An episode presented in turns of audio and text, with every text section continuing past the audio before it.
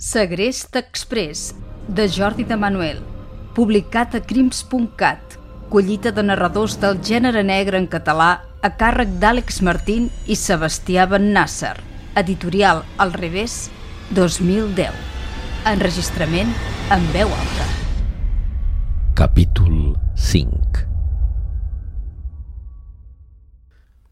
Després de rumiar-ho molt, vaig pensar que el millor lloc per capturar en Valentí Rius era el pàrquing de l'edifici on vivia, quan arribés al vespre amb el BMW. Jo conservava un comandament per obrir les portes corredisses dels aparcaments, de quan venia pisos a la Vila Olímpica, i a més a més em coneixia els pàrquings subterranis com el palmell de la mà, perquè amb la venda de pis acostumàvem a oferir com a reclam una plaça de pàrquing rebaixada de preu. El més difícil era decidir-me on ficar aquell home després d'haver-lo capturat – el millor hauria estat un amagatall subterrani, però no en tenia cap a mà. En canvi, encara disposava de les claus d'unes golfes al passeig Colom que no havia pogut vendre. Era un espai de 30 metres quadrats, segurament massa acollidor per aquell fi, amb una sola finestra petita i una porta blindada amb dues baldes a prova d'escarpa i martell. Tot insonoritzat, ja que el propietari anterior era un trompetista de l'orquestra del Liceu. Els dos pisos de sota estaven desocupats.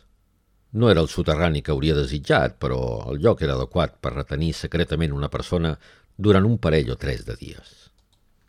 Vaig fer una llista de coses que necessitaria. Guants de làtex, pistola, rotllos d'esparadrap, cordes de niló, ampolles d'aigua, ulleres negres, roba, queviures, un matalàs, paper de vàter, un telèfon mòbil nou amb targeta de prepagament.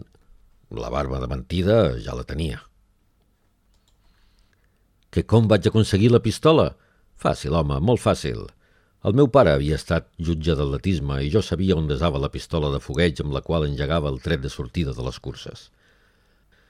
Només quan ho vaig tenir tot, vaig començar a planificar acuradament una de les parts més delicades de l'operació, la captura de Valentí Rius.